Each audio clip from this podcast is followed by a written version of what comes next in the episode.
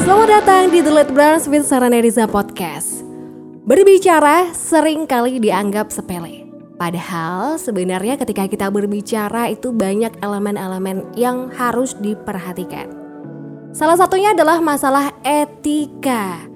Nah, dalam komunikasi interpersonal, komunikasi dengan orang lain, sering kali kita mengabaikan masalah etika ini terutama jika obrolan atau situasinya tidak menyenangkan. Misalnya kita lagi marah, misalnya kita lagi kepancing emosi, atau kita lagi membahas sesuatu hal yang sensitif.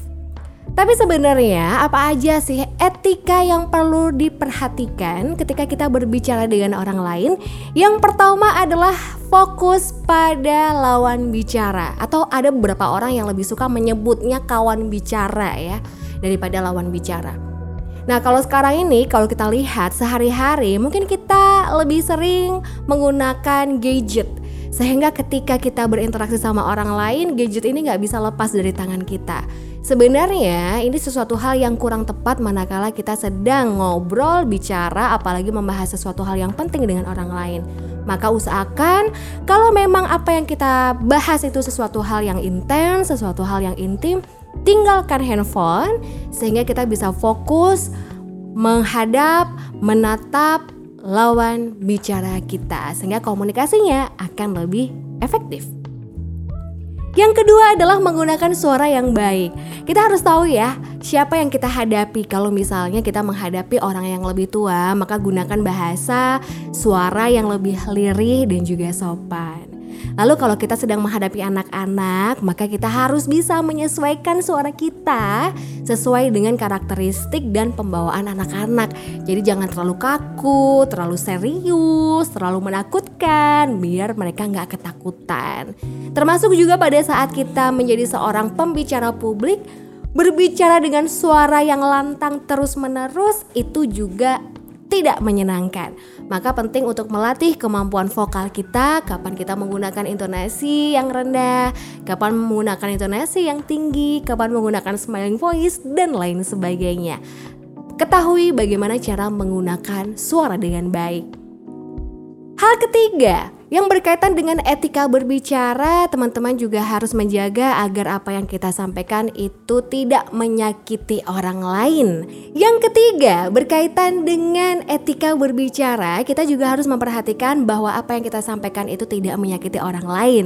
Maka hindari kata-kata kotor, kata-kata kasar, umpatan, atau isu-isu yang sensitif, membahas suku, agama, ras, antar golongan. Kalau memang situasinya tidak tepat untuk menyampaikan hal tersebut, ya hindari hal itu. Karena kita nggak bakal tahu gitu ya, bagaimana reaksi dari orang yang kita ajak berbicara. Apalagi kalau memang yang dibicarakan itu sesuatu hal yang santai gitu ya. Maka sesantai apa pun usahakan hindari menyakiti hati orang lain.